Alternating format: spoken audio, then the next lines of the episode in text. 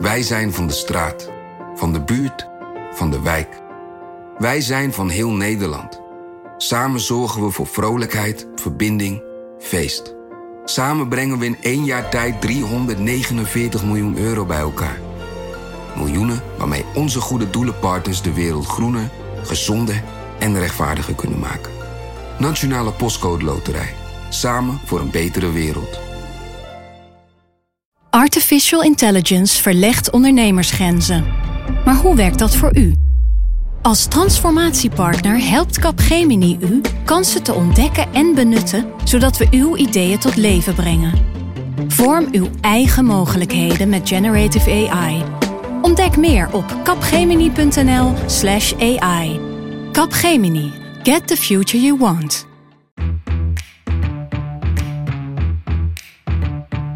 Dit is Haagse Zaken van NRC. Mijn naam is Lemja Aharwai. Nu even over het algemene punt wat ik wil maken over die onderbestedingen. Dat is vrij fors, hè? dat zien we vandaag ook weer in, de, in het rapport van de CPB en in jullie najaarsnota.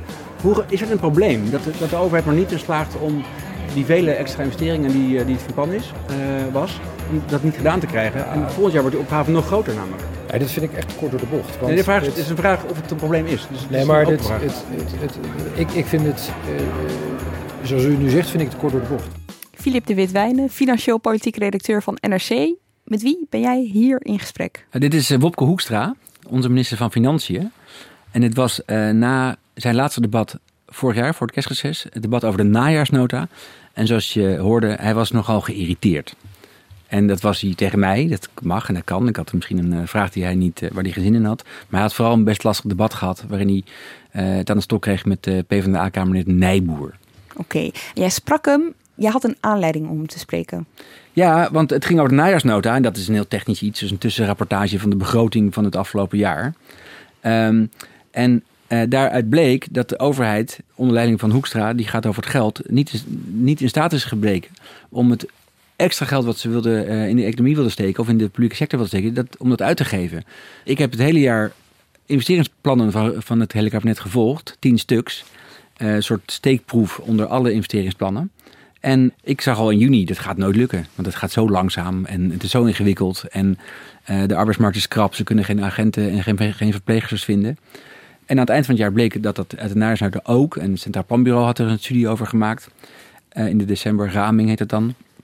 Dus ik wilde graag de minister dus over horen uh, of, het, of die het erkende en of, het ook een, uh, of die het als een probleem zag. Nou, dat was dus niet het geval. Kijk, heel simpel, dat geld is beschikbaar om uit te geven. De doelstelling van het kabinet is ook om dat geld uit te geven.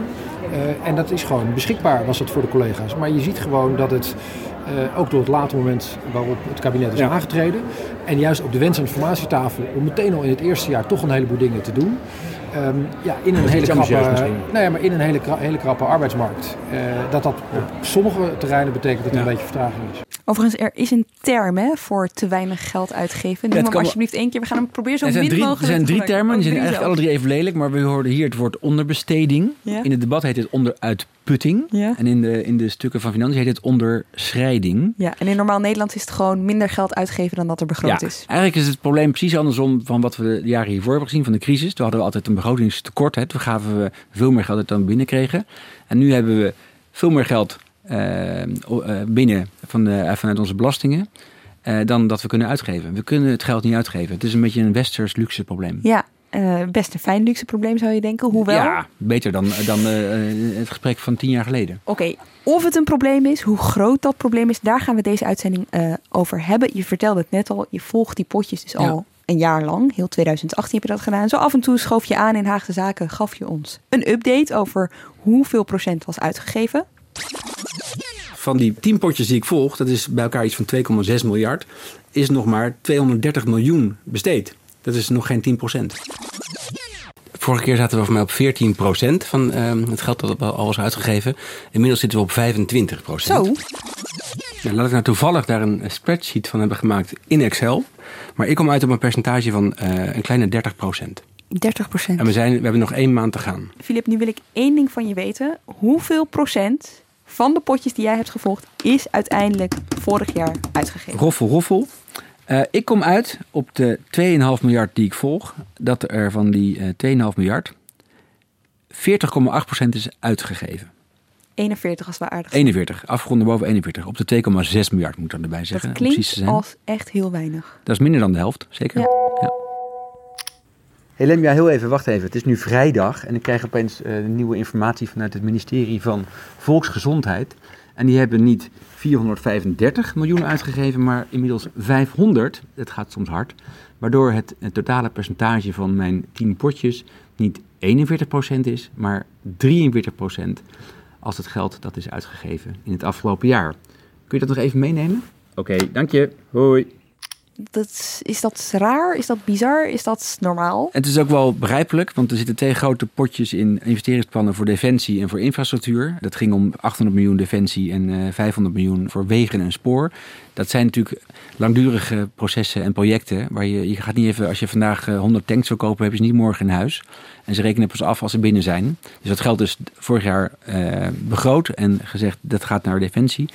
Maar als ze het pas volgend jaar of over twee jaar krijgen, dan wordt pas dat geld uitgegeven. Je hebt zelfs een lijstje met wat Defensie allemaal wil. Gaan we straks eventjes Ja. eh, doornemen. Het zijn allemaal woorden waar ik tot vandaag eh, niet eh, van afwist. Mhm. Maar we beginnen even bij het begin. Want wij kennen jou een beetje van jouw Excel-kwaliteiten. Vind je Nou, dat heel dat leuk als ik daarover begin? Maar ik ben ook heel Maar ouderwets. je hebt nu iets anders bij je, tot mijn grote Ik verbazing. heb een ouderwetse ordner bij me. Ik denk eh, Die staat in mijn kast. anderhalf vuist dik. Ja, dit is de tweede die ik, eh, die ik voor dit project heb eh, gevuld. Potjes Rutte 3 staat er op de Ja, zijkant. precies. Eh, ik heb hier eh, van alle departementen die ik volg. eh, het zijn tien potjes van acht departementen, denk ik. ik zie tabbladen. Heb ik eh, alle eh, stukken die ik erover Ja. krijg, brieven naar de Tweede Kamer, mijn mailwisselingen met ambtenaren of met eh, voorlichters, maar ook met, de, de, de, met het land zelf. Ik praat ook met de sectoren, met onderwijs, met de politiebonden, om te vragen hoe, eh, hoe gaat het ermee? Hebben jullie al geld binnengekregen? Zijn er al extra agenten? Eh, dat bewaar ik hier. Ik ben heel, heel ouderwets en heel milieu-onbewust. Maar ik wil graag kunnen strepen en kunnen eh, aantekeningen maken. Ja, oké. En uiteindelijk gooi ik alle getallen in, eh, in dat grote eh, Excel-bestand. En dan weet ik een beetje wat de tussenstand is. Of de eindstand. Ongeveer 41 procent weten Ja. we dus. Even hoe jij die potjes dan volgt. Want het klinkt nog een beetje abstract. Maar je hebt, eh, nou ja, noem maar eens een paar. Eh, even kijken, naar politie. En, ehm, daar, ging, daar zou de afgelopen jaar 150 miljoen in gaan. 154 miljoen.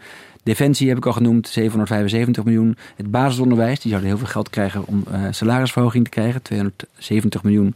En een klein beetje geld voor werk, om werkdruk te verlagen. Verpleeghuiszorg, sport, armoedebestrijding onder gezinnen met kinderen. De buitenlandse dienst zou extra geld krijgen. Ehm, infrastructuurfonds zou extra geld krijgen. En natuur- en waterkwaliteit. Oké, dit zijn de potjes. Hoe ben je ze gaan volgen? door deze op rij te zetten, te kijken welke minister over dat potje gaat, het ministerie bellen. Dan kom je toch al snel bij de, bij de woordvoerders en voorlichters. En die zijn zeer behulpzaam geweest. Maar die, ik heb wel hun geduld op de proef gesteld. Want Oh ik ja? belde ze elke maand. Aan het eind van elke maand of aan het begin van elke eh, volgende maand ging ik eens bellen. Van hoe gaat het met jullie 154 miljoen, meneer van de, eh, van de politie? Nou, dan moesten ze weer uitleggen dat het nog niet was besteed. Want ze waren nog bezig aan het onderhandelen. Bij onderwijs, die 270 miljoen voor salarisverhoging, duurde een half jaar voordat die, die CAO was afgesloten. Dus het geld lag klaar, maar werd nog niet uitgegeven. Ja. En pas in september kwam het op de loonstrookjes van de docenten terecht. Maar ik kan me voorstellen dat de keren dat jij dan belde met die verschillende ministeries voor juni, dat ze dachten, oh daar heb je de witwijnen weer, terwijl we nog niks hebben uitgegeven. Ja, die indruk had ik ook wel eens. Dat ze een beetje moe van me werden. Maar ze vonden het ook wel leuk en interessant. Ze gingen ook met elkaar eh, bellen. En ik begreep Oh, ook ja? eh, dat, het, eh, dat binnen het kabinet er ook over werd gesproken. Van, hebben jullie al geld uitgegeven in de NRC? Maar voor, voor hem was het steeds een soort van gewetensvraag, telkens als jij belde. Hè? Want het voelt natuurlijk ook een beetje als controleren wat je, wat je letterlijk aan het doen Maar dat doen journalisten en dat zijn ze gewend. En ze waren af en toe, maar ze waren zeer behulpzaam, maar ook wel af en toe, dan heb je hem weer. Ja. En, het, en soms hadden ze niks te melden. En dan was het elke keer hetzelfde antwoord. Ja. Dat werd wel wat vermoeiend. Ja. Maar goed, op een gegeven moment was er ook wel nieuws. Toen kwam er een brief eh, van de minister aan de Kamer. Eh, en dan werd er gezegd, kijk eens, we hebben nu eh, concrete plannen voor de buitenlandse dienst. En we gaan die en die ambassades openen. Maar dan vroeg ik, is hij al open? Nou, dan eh, hoorde je, nee, nog niet. Je moet pas volgend jaar terugkomen en dan kun je, kunnen we zeggen wat er precies is Het is gebeurd. een redelijk groot verschil tussen wordt geopend en is geopend Ja, de- natuurlijk. de- ja. ik heb heel erg op de werkwoordvorm gelet. Het is goed Ja. dat je dat zegt. Het, Ja. is heel vaak van, eh, het wordt heel vaak beloofd, ook meerdere keren, door, de- juist ook door de bewindspersonen in het land of eh, in, aan de Tweede Kamer. Eh, en ook in de brieven zie je die werkwoordvorm. Maar ik vraag altijd, is het uitgegeven? Maar dat is juist het interessante van dit project. Hè? Want we horen altijd met heel veel bombardie als er grote investeringen aankomen. Dan zie je een trotse minister eh, dat uitleggen. Maar er is eigenlijk maar weinig controle, eh, ook bij journalisten, achteraf, weet je wel, is het uitgegeven? Is, zijn er meer agenten Ja. bijgekomen? Zijn er meer docenten bijgekomen? Nou ja, dat ben jij dus gaan proberen. Ja, ja, mijn opgave was om het gaandeweg te controleren. Dus Ja. eh, eh, tijdens het jaar. Ja. En eigenlijk is er tijdens het jaar weinig over te zeggen. Zeggen ook al die ministeries. Ja. Pas na, nu worden de jaarrekeningen opgemaakt. Die Ja. worden in mei eh, bij Verantwoordingsdag worden die gepresenteerd Ja. aan de Tweede Kamer. Ehm, intussen gaat ook het ministerie van Financiën langs al die departementen om te kijken wat er over is. Zodat dat de basis kan zijn voor de begroting van Prinsjesdag voor 2020. Dus er zijn, en de- en de rekenkamer gaat eh, langs al die ministeries om te kijken. Die gaat al die, al die, eh, nou ja, al die uitgaven eh, tegen het licht houden en naar de bonnetjes vragen. Maar gaandeweg vond ik het lastig om daar echt de vinger achter te krijgen. Eh, De, de getallen die ik noem zijn ook echt indicatief. Ja. Er zijn ook investeringsplannen zijn eh, nou niet opgeschort, maar dan is er een deel is dan doorgeschoven naar volgende jaren. Dus dan zeggen ze ja, we hebben inmiddels iets minder geld voor 2018 beschikbaar. Maar ik ga uit van het basisbedrag wat Ja, ik in het regeerakkoord zag staan. Ja. Wij- Wat, wat is jou nou het meest opgevallen? Dat het een lastige klus is. Eh, en dat eh, er wel optimisme uitstraalt van ja, we gaan investeren in de zorg, in eh, het onderwijs, in, de, eh, in defensie en in de politie. Maar als je dan vraagt, is het al gebeurd? Dan moesten ze eigenlijk het antwoord schuldig blijven. Dan bleef het bij goede bedoelingen. En eh, bijvoorbeeld de politie, daar heeft uiteindelijk in de zomer heeft minister Grapperhaus gezegd: oké, er is 154 miljoen beschikbaar dit jaar. Uiteindelijk is het 267. Dat, hij noemt ook altijd het hoogste bedrag, maar dan heeft hij het over het, het potje aan het eind van deze kabinetsperiode. Maar ik ging het over het boekjaar 2018 hebben. Eh, toen had hij, in, ook, had hij in juni had hij een brief waarin hij zei hoeveel agenten er per eh, politieregio bij zouden komen. Bij elkaar waren het er eh, 1111. Oké. 1111. Een getal dat kun je makkelijk onthouden. Dus ik ging nu aan het eind van het jaar ging ik eens even bellen met al die, eh, nou niet met allemaal, maar met een aantal van die regio's. Bijvoorbeeld Amsterdam. Hebben jullie al extra mensen gekregen? En dan zeiden ze nou, het geld is beschikbaar, dat klopt. Maar we hebben nog geen eh, extra agenten op straat kunnen, ehm, te werk kunnen, aan het werk kunnen zetten. Hoe Want- li- waar ligt dat dan aan? nou, dat ligt aan, dat is, heel, dat is eigenlijk eenvoudig, ehm althans begrijpelijk, eenvoudig is het niet. Eh, een politieagent moet je opleiden. Dus je moet eh, eerst politieagenten werven, Ja. dan moet je ze opleiden. Dus Ja. het goede nieuws was, dat zei, zei Amsterdam, maar dat zei ook een politievakbond tegen mij. De politieacademie zit vol. Die hebben extra plekken gekregen om agenten op te leiden. En die eerste lichting zal echt in, 2000, in de loop van 2019 ehm, aan het werk gaan. Oké, dus om het even te volgen, het geld is wel overgemaakt van financiën aan justitie en veiligheid. Toen heeft justitie en veiligheid het wel overgemaakt aan de nationale politie. En die mag het best wel breed inzetten nu, want het doel is meer agenten. Die zijn het nu aan advertenties en allemaal van dat soort ja, dingen. en dat geld gaat nu lopen, zeg maar, Ja. kun je zeggen. Dus Ja. het is beschikbaar. Ehm, het was toch best een klus, want eh, intussen is ook de eh, is financiën wat strenger geworden. Een minister moet eerst een bestedingsplan inleveren. Een soort businessplan van dit geld ga ik uitgeven. En wel hierom en indien die stappen. Het is pas sinds kort, hè? Ja, dat is 16 een, eh, het is een aanscherping van de, van de comptabiliteitswet. Die gaat over toezicht en verantwoording van de overheidsfinanciën. En daar heeft de Tweede Kamer van gezegd, daar moeten we iets meer beter op gaan letten. En eh, het vorige kabinet ook. Die wet is aangenomen en die aanscherping gold nu sinds begin 2018. En dat betekent in de praktijk dat er aan de voorkant al... dus- Scherper wordt gecontroleerd door financiën of het doelmatig wordt besteed. Of, het, eh, of je dat kan aantonen dat, dat het geld niet zomaar eh, binnen wordt geharkt en daar een beetje zorgig mee wordt omgegaan. Dus op zichzelf heel goed en zorgvuldig. Maar Grapperhaus, minister van Justitie, die over de politie gaat, die heeft pas in twee tranches dat geld gekregen. Ik vermoed dat zijn eerste plannetje eh, niet meteen goed was gekeurd. Oh ja? Ja, dus dat, is, eh, dat, dat vond ik interessant. En ehm, hij kreeg in eerste instantie kreeg hij, eh, kreeg hij 100 miljoen, maar de laatste 54 kreeg hij pas later dit jaar. En weet jij die- dus die, die- die- die- dat bewijzen hè, van waar je dat geld aan uit gaat geven, je businessplan eigenlijk. Weet je wat voor eisen daar ongeveer Nou, ik heb er wel zo'n beetje, inderdaad, wat ik net zei, hoeveel heb je nu nodig? Hoeveel heb je de komende kwartalen nodig of maanden? En welke, en welke tranches wil je het hebben? Hoe ga je controleren dat het wordt besteed? Kunnen we daar naar kijken? Nou, dus een beetje van die controlevragen. Alsof het een bankje daarover Ja, moet. ik heb die bestedingsplannen ook gevraagd, maar die heb ik niet gekregen. Het is misschien nog een leuke opdracht voor een, eh, voor een eh, WOP-verzoek. Ja. Ehm, en overigens heeft eh, de politie ook, had nog een tweede lastige klus, die moest ook nog een nieuwe CAO afsluiten. Waar ook Ja. de politie al, ehm, al jaren over aan, het- voor aan het strijden is. En dus hebben van die 154 miljoen hebben ze 2 miljoen alvast gebruikt voor die CAO. En Dus- dat mag. Dus we weten aan de voorkant is het redelijk streng ehm, gecontroleerd. Je vermoedt zelfs dat uh, Grapperhaus het geld la- later heeft gekregen omdat hij zich nog iets beter moest verantwoorden. Dat- Die indruk heb ik, maar dat kan ik niet Of helemaal zijn eh, met financiële zekerheid mensen dan. Ehm, maar wordt het achteraf ook gecontroleerd? Want jij bent nu aan het uitzoeken hè, van hè, zijn er nou ook echt politiemensen bijgekomen? Maar is dat eh, institutioneel ook zo geregeld? Ja, ja, Houdt daar- iemand het bij? jawel, eh, eh, de departementen zelf gaan natuurlijk echt kijken eh, wat er, wat er met, door die organisatie met het geld gebeurt. Dat moeten ze ook echt voor zichzelf verantwoorden. Daar zal de minister naar vragen, daar zal de Tweede Kamer naar vragen. Die gaan straks ook eh, de vakministers daarover aan de tand voelen. Je hebt nog de Algemene Rekenkamer, die eh, controleert ook de jaarrekeningen en de, en de begrotings, of de investeringsplannen van Ja. elk departement. Dus die controle is er wel. Maar de rekenkamer die laat zich er nog wel eens negatief over uit, toch? Over in hoeverre zij dat kunnen controleren. Zeker. En dat was een beetje de inspiratie voor mijn hele project en mijn hele onderzoek. Eh, de president van de Rekenkamer, Arno Visser, die riep in december 2017 dat, maar ze- dat van 70% van alle overheidsuitgaven eigenlijk niet te controleren is waar dat nou blijft. Nou, ik denk dat ongeveer 30% van de uitgaven die in Den Haag rondgaan, aan de inkomsten- en uitgavenkant, tot eh, heel ver te volgen zijn. En dan praat je over het ministerie van Defensie, het ministerie van Justitie, het ministerie van Financiën en de Belastingdienst. 30 procent. Dus eh, ik geloof dat de, de burgers, wij met z'n allen, hoesten per jaar 300 miljard euro aan belastingen op. Hè? Belastingen en premies. En premies. Dat, gaat, dat geven wij allemaal aan het Rijk. Ja. En daarvan kunt u ongeveer 30 procent controleren of dat goed besteed wordt. Ja, en dan kan je tot het laatste moment volgen. Maar het grootste deel van het geld blijft niet in Den Haag. Nee. Maar komt terecht in het onderwijs, komt terecht in de zorg, komt terecht bij gemeenten en provincies. En dan zijn er steeds andere afspraken, Europa. Al is dat niet zoveel, ongeveer 4% ervan. Eh, maar eh, het belangrijke is dat we steeds vers- verschillende afspraken hebben. En die afspraken niet matchen met de, eh, aan de achterkant met hoe we van tevoren afspreken zaken te willen gaan doen. Dus ik dacht, ik ga gewoon... eh, Duizelingwekkend getal eigenlijk. ja, 70% vond ik wel heel hoog. Het is wel rechtmatig, 99,9%, want het wordt allemaal goedgekeurd door het, door het parlement. Democratische controle is er. Ehm, maar waar het nou precies blijft, ik vond het een schrikbarend hoog getal. Dus ik dacht, ik ga ook gewoon dan met, met scholen bellen en met de politie bellen om te vragen, is het geld al binnen? Oké. En dat duurde dus bij de meeste ehm, nou, publieke sectoren echt eh, vrij lang. We hebben het over de politie gehad. Ik wil naar een ander heel Ja. concreet voorbeeld van jou. Ehm, en dat valt onder het ministerie van Buitenlandse Zaken. Ja. De diplomatie. Ja, dat was een relatief klein potje, maar er wordt al jaren gezegd. Nou, ook daar is eh, flink ge- ge- geschrapt eh, en bezuinigd op die, die buitenlandse dienst.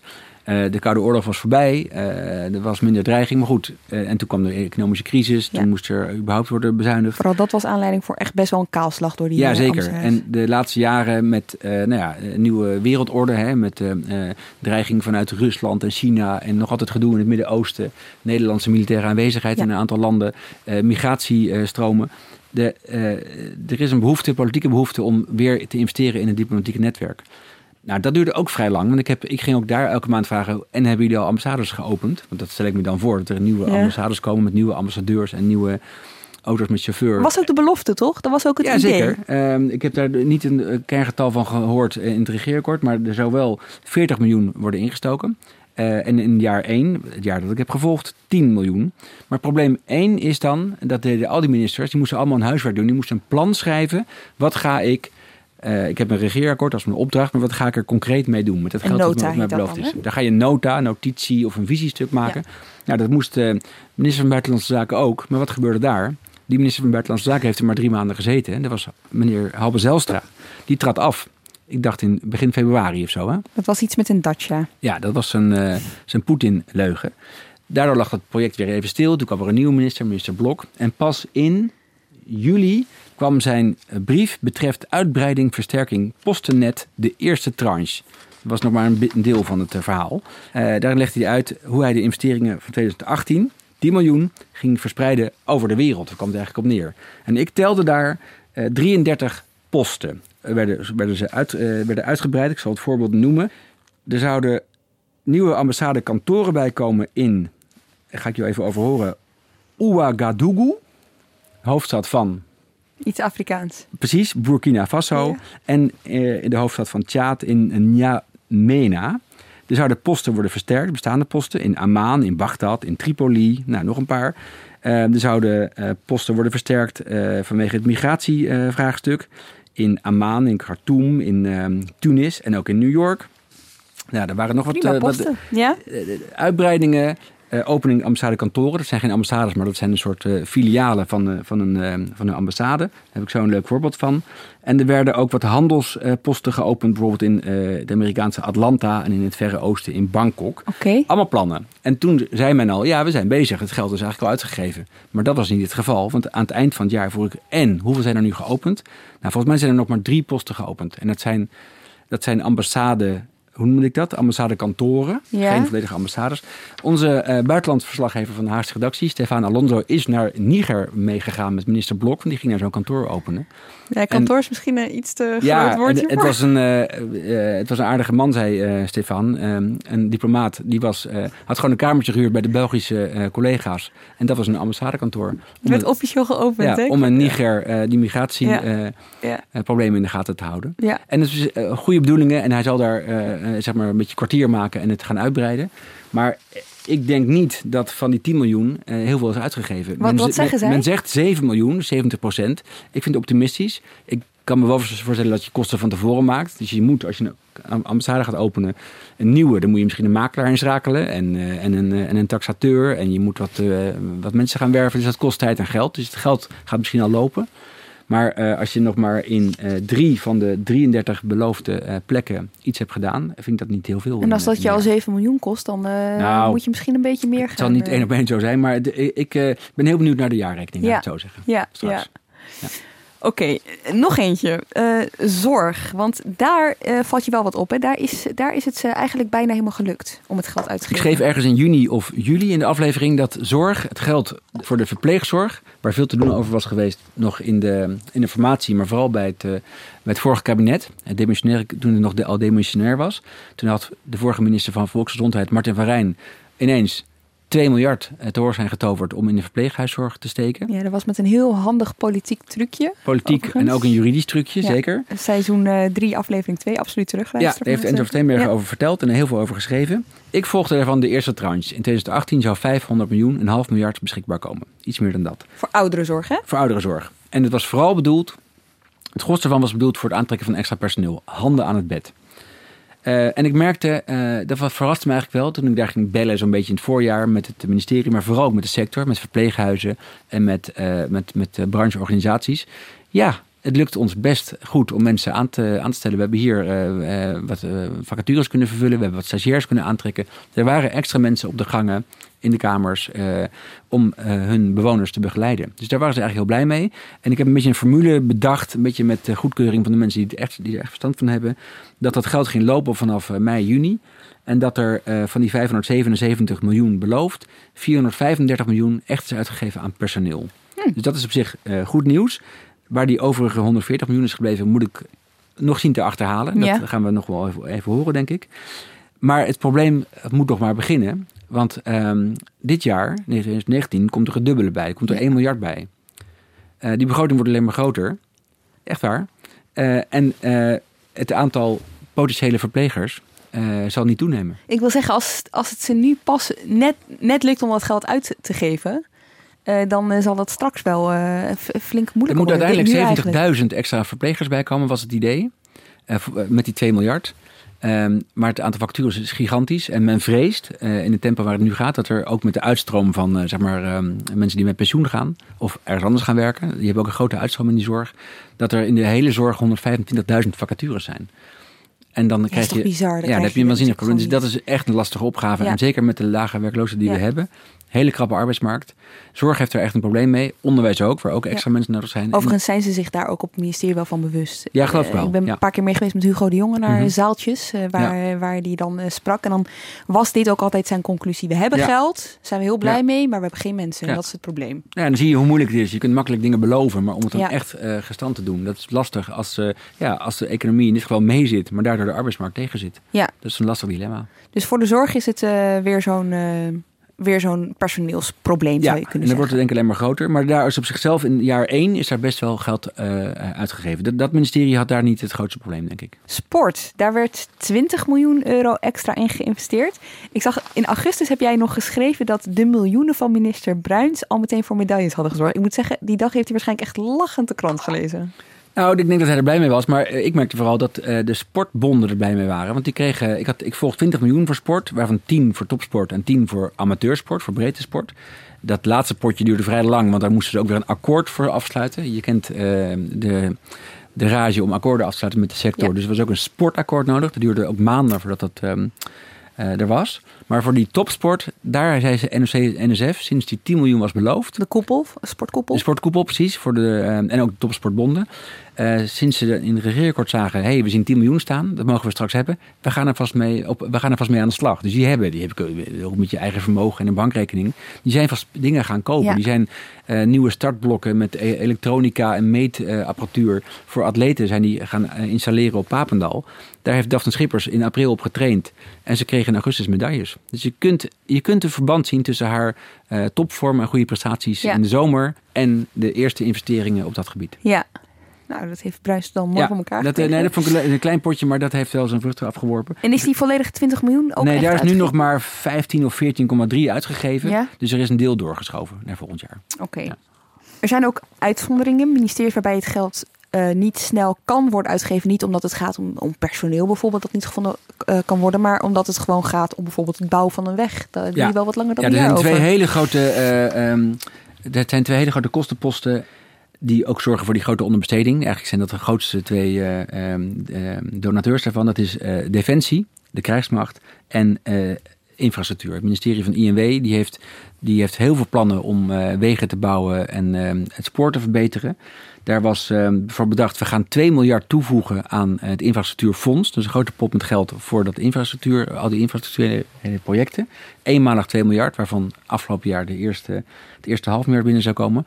Maar, en dan hadden ze in het begin, was heel interessant, hadden die twee bewindslieden daar. Je hebt uh, Cora van Nieuwenhuizen van de VVD, die gaat over het asfalt. En staatssecretaris van Veldhoven van D66 gaat over het spoor. Dus zeg maar, ja, VVD versus D66. Ja. Die had natuurlijk ook een beetje gedoe van, ja, welk geld gaan we nou waar aan besteden en wat heeft prioriteit? Dus er was eerst gedoe over, waren te veel plannen, uh, dat zou te veel geld kosten. Hele meer, fundamentele vraag eigenlijk. Hele meer geld vraag. aan asfalt of ja. meer geld aan spoor? Ja, en dat leidde dus tot meer plannen dan er geld beschikbaar was. Uiteindelijk, aan het eind van het jaar, hebben ze, heeft de minister moeten erkennen, ja, we hebben dat geld wel binnen, um, maar we kunnen het niet uitgeven, want die projecten, dat duurt nog eenmaal um, een tijd. Dus we moeten dat geld meenemen naar volgende jaren. Dan was de vraag, kunt u toelichten waarom die overprogrammering? Want waarom doen we die overprogrammering? Dat doen we juist om uh, die onderbesteding te voorkomen. Omdat je weet dat er altijd bepaalde percentages uh, door allerlei oorzaken vertraagd zullen worden. En je wilt toch, wat de Kamer ook en de rapporteurs ook terecht allebei benadrukken... je wilt dat het geld ook niet op de plank blijft liggen... maar voor de doelen daadwerkelijk ook besteed wordt kun je zich voorstellen dat voordat dit kabinet aantrad, uh, natuurlijk ook niet voorzien kon worden uh, dat uh, dat grote bedrag extra erbij zou komen. Dus in de sfeer van overprogrammering heeft men daar natuurlijk niet in de jaren daarvoor rekening mee kunnen houden. Dus het gevolg was dat er een kasschuif noodzakelijk was een kasschijf was noodzakelijk. Leg even kort uit. Ja, dat is ook weer jargon, maar het komt erop neer als je geld niet nodig hebt dit jaar, maar volgend jaar wel, dan mag je met toestemming van uh, financiën, maar ook van de Kamer, mag je dat geld doorschrijven, letterlijk doorschrijven. Maar dan moet je wel heel duidelijk maken waarvoor je dat geld Precies. gaat gebruiken. En dat, dat blijft dan uh, voor dat doel bestemd. Dus dat mag niet naar andere dingen gaan. Het gaat wel even tijdelijk terug naar financiën. Maar je hebt dat geld, daar heb je aanspraak op voor het volgend jaar. Dus in de begroting wordt dat doorgeschoven. Dan wordt de begroting 19 wat groter en 18 wat, wat kleiner. Maar bij infrastructuur is het sowieso wat makkelijker. En bij Defensie, die mogen het geld wat ze niet besteden, sowieso 100% meenemen, omdat het van die meerjarige uh, processen zijn. Ja, want andere ministeries moeten teruggeven, komen we straks nog ja. uitgebreid op. Mm -hmm. Maar eh, nog even Defensie, want ik vond het toch wel interessant. Ja. Je, hebt een, je hebt een lijstje, een ja, soort van verlanglijstje. Ja, bij Defensie, ik heb hier maar, nog maar één blaadje bij me, maar Defensie heeft natuurlijk uh, ook jarenlang het kamp gehad met bezuinigingen. Uh, en uh, we hebben de discussie over moeten we de NAVO-norm van 2% handhaven? Moeten we 2% van de BBP aan defensie uitgeven? Dat halen we al jaren niet in, uh, in Nederland. In heel West-Europa geloof ik al niet. Dat, nu is er geld beschikbaar om dat een beetje te gaan repareren. Dus er gaat anderhalf miljard naar defensie. Waarvan het afgelopen jaar uh, 775. Ehm, Veel al, meteen de helft in het eerste jaar. ja, maar dat loopt dan op. En Ja. dat, is, eh, dat is wel structureel geld. Maar dan is het interessant. eh, dan, dan worden er weer oude bestellingen van, eh, van, van 20 jaar geleden. Die waren al afbesteld in de jaren van de crisis. Worden weer afgestoft en weer opnieuw op een lijst gezet. Wat staat er dan bijvoorbeeld op? Nou, er is, er is in de defensienota zie je een hele mooie... Die kwam ook pas in de zomer uit trouwens. Zie je een hele mooie lijst met, eens even kijken. Ehm, de, trop, de tropco's worden vervangen. Weet je wat tropco's zijn? Ik heb werkelijk waar Daar gaat geen- 25 tot 100 miljoen naartoe. Dat zijn eh, trekkers ople opleggercombinaties. Dus ik denk van die grote vrachtwagens. Oh ja, Ehm, de Bushmaster wordt vervangen. de Ehm, Bushmaster. er komen ehm, drones en die heten Reapers. Die, die worden eh, eh, gekocht tussen de 100 en 250 miljoen. Nou, dat zijn allemaal, dat is een enorme boodschappenlijst met allemaal eh, oorlogstuig. Nou, dus die verlanglijst, die boodschappenlijst, die, is, die is afgestoft, ge- opnieuw gemaakt. Maar dat gaat pas vanaf eh, 2019, er komen de eerste dingen voor mij pas binnen. De eerste grote bestellingen. En dan wordt er altijd pas afgerekend als het binnen is, bij oplevering. Dus het geld wordt dan pas uitgegeven en Ja. genoteerd als, eh, als ze zijnde uitgegeven. Ja. En wat dat betreft zijn dus defensie en infrastructuur en milieu zijn eigenlijk uitzonderingen op de regel. Want voor die ministeries is die onderuitputting een probleem. Omdat ze het geld dat ze niet uitgeven terug moeten geven principe- aan Ja, Hoekstra. In principe is al het geld wat overblijft voor financiën. En dat ga je, ga je nu krijgen. In de komende maanden dan gaan de, ambtenaren van de inspectie Rijksfinanciën... gaan dan langs al die departementen en die gaan kijken... heb je het uitgegeven? Ja of nee? Ehm, is er een, een meevaller in die zin aan de uitgavenkant? Zo ja, hup, inleveren en dat gaat terug naar, eh, naar, naar, eh, naar financiën. Maar dan moet dat ministerie zeggen... ja, maar het is een uitgave die heb ik morgen eigenlijk wel nodig... of volgende week of, of volgende maand. Ik wil het wel binnenhouden. Dus er is een discussie dan tussen Oh, die dat lijkt twee me echt het zijn echt onderhandelingen. Dat. Ja, eh, dus zo stel ik me dat voor. Ik wil graag een keer met ze mee op pad. Ehm, maar er is, er is een manier om het voor te zijn. Met die, wat ik net noemde, die kastschuiven. Je kunt in het lopende jaar zeggen: Ik heb het nu niet nodig, maar ik heb het volgend jaar nodig. Mag ik het even alvast eh, vasthouden voor volgend jaar? En dan doe ik mijn begroting vandaag wat lager en, en volgend jaar wat, wat hoger. Maar is dat ook, gebeurt. is, is ook makkelijker gezegd dan gedaan. Hè? Want Ja, daar ga je je- ook over onderhandelen. Ja, zeker. is, is het het waard om het Precies. in zo'n kastschuif te zetten? met financiën. Je moet aantonen, ik heb het dan in april nodig. En niet in 2021. Nou, eh, dat is één. En twee, er is een algemene regel. Je mag 1% van je totale begroting mag je sowieso meenemen. Dat is dus voor een departement van onderwijs. Dat wordt er uitgegeven, 30 miljard. Dan mag je dus, mag je dus eh, een groot deel meenemen. Een groot deel. Hoeveel is 1% van 30 miljard? Eh, 300 miljoen. Ja, oké. ja. Wat doe je Nou ja, daarmee? nou ja, dan kun je... eh, Het onderwijssalaris ging met 270 omhoog. Dus Oh eh, ja, daar kun je ja, wel mee doen. Ja, oké. Om het maar even duidelijk te maken. Ik vind 300 miljoen heel veel geld persoonlijk, maar op de bedragen waar we naar kijken. Er zijn strenge regels voor, daar komt het op neer. Ja. En er is altijd een spel tussen de departementen, de vakministers, de uitgevers en eh, financiën. Eh, welk geld mag ik houden wat ik nog niet heb uitgegeven? Nee, wat je wel vaak hoort bij, bij overheidsgeld, bijvoorbeeld subsidies. Je krijgt een subsidie toegewezen. Dat moet je eh, eh, bijvoorbeeld voor een, om, het, om, een, eh, om een galerie te openen, krijg je van, van het cultuurfonds krijg je, krijg subsidie. Je hebt, je hebt duizend gevraagd, maar je hebt eigenlijk maar 700 uitgegeven. Dan zul je aan het eind van het jaar misschien 300 moeten teruggeven. Maar dan heb je vaak last van, de minister gebruikt het woord in een debat, decemberkoorts of najaarskoorts. Dan ga je opeens 300 miljoen uitgeven, omdat je het anders moet teruggeven. Dat is zonde. Nou, dat hebben ministeries ook een beetje. De neiging om aan het eind van het jaar heel veel te gaan uitgeven. Om te kijken of het dan geval binnen blijft. Maar ja, dat is niet altijd doelmatig of effectief of, zorgvuldig. Dus Ja. daar wordt wel op toegezien. Ja, Ehm, en, maar ze willen, ze willen voorkomen dat het geld eh, terug moet worden gegeven maar dat aan klinkt eigenlijk echt heel gek. Want je zou echt denken, dan denken, de, de eigen belang is dan zeg maar het, eh, het woord hier. Want die ministerie, als je het puur bekijkt op jezelf, hè, als je geld overhoudt, denk je, oh fijn, dan stort ik het op mijn spaarrekening. En dan kan ik er daarmee, daarna mijn hypotheek meer mee Ja, aflossen. ja. Of maar, ik, eh, maar ministeries hebben eh, geen spaarrekening. Nee. Het geld is sowieso, zit sowieso bij financiën via hun systeem van eh, betalingsverkeer. ze kunnen niet zelf sparen. Nee, nou, ze kunnen dus wel zeg maar potjes opbouwen en zeggen dit is bedoeld voor dat. En dat Ja. gaan we. Je hebt een gemeentefonds, je hebt een provinciefonds. Nou, die pot is echt wel afgedekt. Daar kun je niet zomaar een greep uit doen voor, voor Defensie. Defensie heeft ook, nou dat niet in een fonds, maar die hebben wel geld ehm, echt bestempeld en gereserveerd voor bepaalde doelen.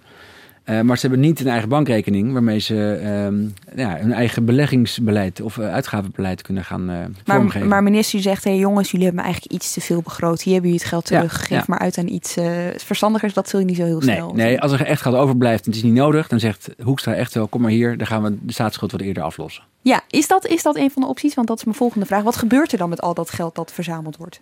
Nou kijk, ehm, dat heeft Hoekstra ook duidelijk uitgelegd aan de Kamer en ook in het interview wat ik met hem had. het kabinet wil drie dingen doen. Dit kabinet Rutte 3. Die wil uh, lastenverlichting. Nou, daar hebben we iets van gezien. Hè? De, uh, de belastingen gingen voor een deel omlaag. Bij de, in de inkomstenbelasting. Uh, ze willen investeren in de publieke sector. Daar gaat dit verhaal over. Maar Hoekstra zou altijd zeggen als minister van Financiën, zoals elke minister van Financiën, ik moet de overheidsfinanciën um, gezond houden. Ik wil geen tekort. Ik wil de staatsschuld, is altijd 400 miljard of iets dergelijks, of in die orde, orde van grootte, die moet uiteindelijk omlaag. We willen de, uh, de staatsschuld omlaag, zodat er een buffer is voor de volgende crisis.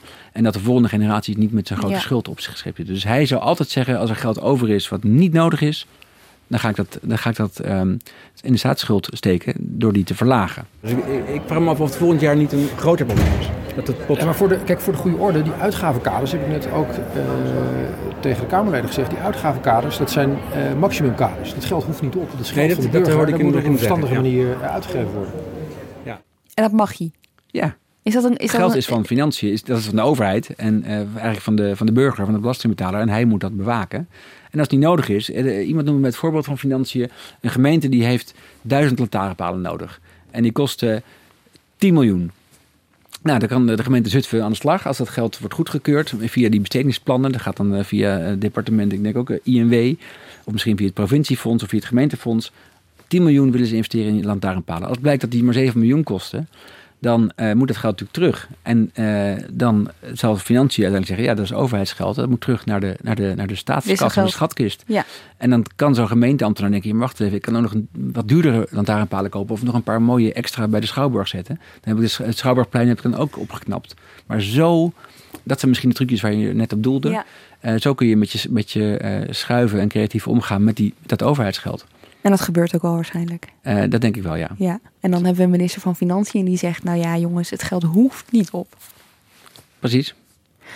Oké, okay, om even uh, de vraag te beantwoorden waarmee we begonnen, waarmee jij, uh, waarover jij en, en Wopke Hoekstra een beetje aan het steggelen waren. Is dit uiteindelijk een probleem? Um, ik denk dat het een probleem is, omdat we, we hebben echt, ik denk dat, dat Nederland echt wel um, sectoren heeft, de publieke sector, um, waar heel veel op bezuinigd is in de afgelopen jaren. En onderwijs, dat is op zich van hoog niveau, maar er is een tekort aan personeel. De zorg heeft tekort aan personeel, de vergrijzing uh, treedt op. Dus er is gewoon geld nodig in de publieke sector. Als dat niet kan worden uitgegeven omdat er niet, geen personeel is, lijkt me dat een probleem gewoon voor het welzijn van het land. Dus dat is één, dat is in, inhoudelijk. En financieel is het ook een probleem, want het Centraal Planbureau heeft bij, uh, in december uitgerekend als we dat geld. Kijk, de overheid is een hele grote speler in de economie. Die ja. geeft heel veel geld uit, 300 ja. miljard per jaar. Dat is goed voor de economie. Daarmee krijg je uh, bedrijvigheid, uh, werkgelegenheid en, en, groei. Als de overheid anderhalf miljard minder uit, uh, uitgeeft dan gepland, dan scheelt dat 0,2% economische groei. Dus als dit blijft doorgaan, die onderbesteding, als dat een paar jaar aanhoudt en het wordt groter, dan zal de economie daaronder lijden. En dan krijg je die spiraal omlaag dan zou je zien dat de overheid zich door een luxe probleem uh, het land in de, in, in, de, in de, economische recessie trekt. Ja. En nog één, nog één partij die hier waarschijnlijk ook een beetje verdrietig naar zal kijken, en dat zijn de gemeenten. Ja, de gemeente is daar is je grappigs mee aan de hand. Die krijgen natuurlijk voor een groot deel geld van, uh, vanuit de over, centrale overheid. Um, via het gemeentefonds. Maar het gemeentefonds is met een heel ingewikkeld uh, stelsel, het trap-op, trap-af systeem, gekoppeld aan de overheidsuitgaven generaal. Niet de hele pot, maar een groot deel van die uitgaven die gaan of omhoog of omlaag. En als de overheid, ik heb het laten uitleggen door een wethouder van Financiën, die ook uh, voor de NVG uh, die financiën in de gaten houdt voor alle gemeentes. Nederlandse Vereniging van Gemeenten. Nederlandse Vereniging van Gemeenten. VNG, sorry. De VNG, de Vereniging Nederlandse Gemeenten, excuus.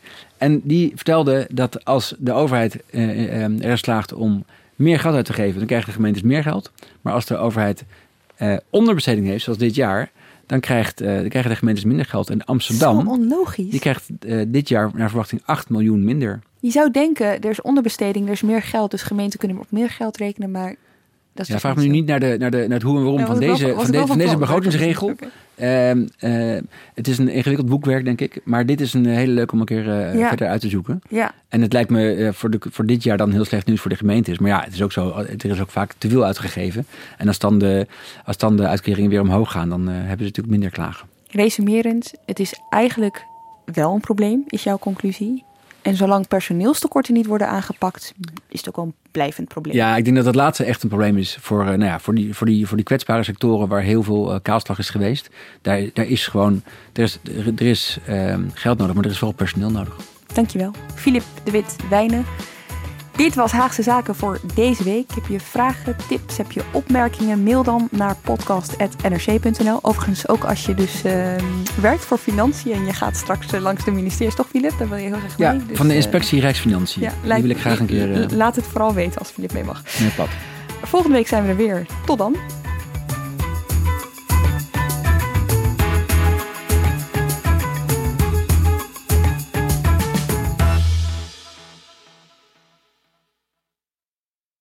Wat weet ik eigenlijk van die nieuwe leverancier? Ik heb die spullen wel echt nodig. Gaat hij straks wel leveren? Ik weet niet eens hoe lang die bestaat. Weten met wie je wel of niet veilig zaken kunt doen? Check kvk.nl voor belangrijke ondernemerskennis. Zoals info over een nieuwe handelspartner. KVK, hou vast voor ondernemers.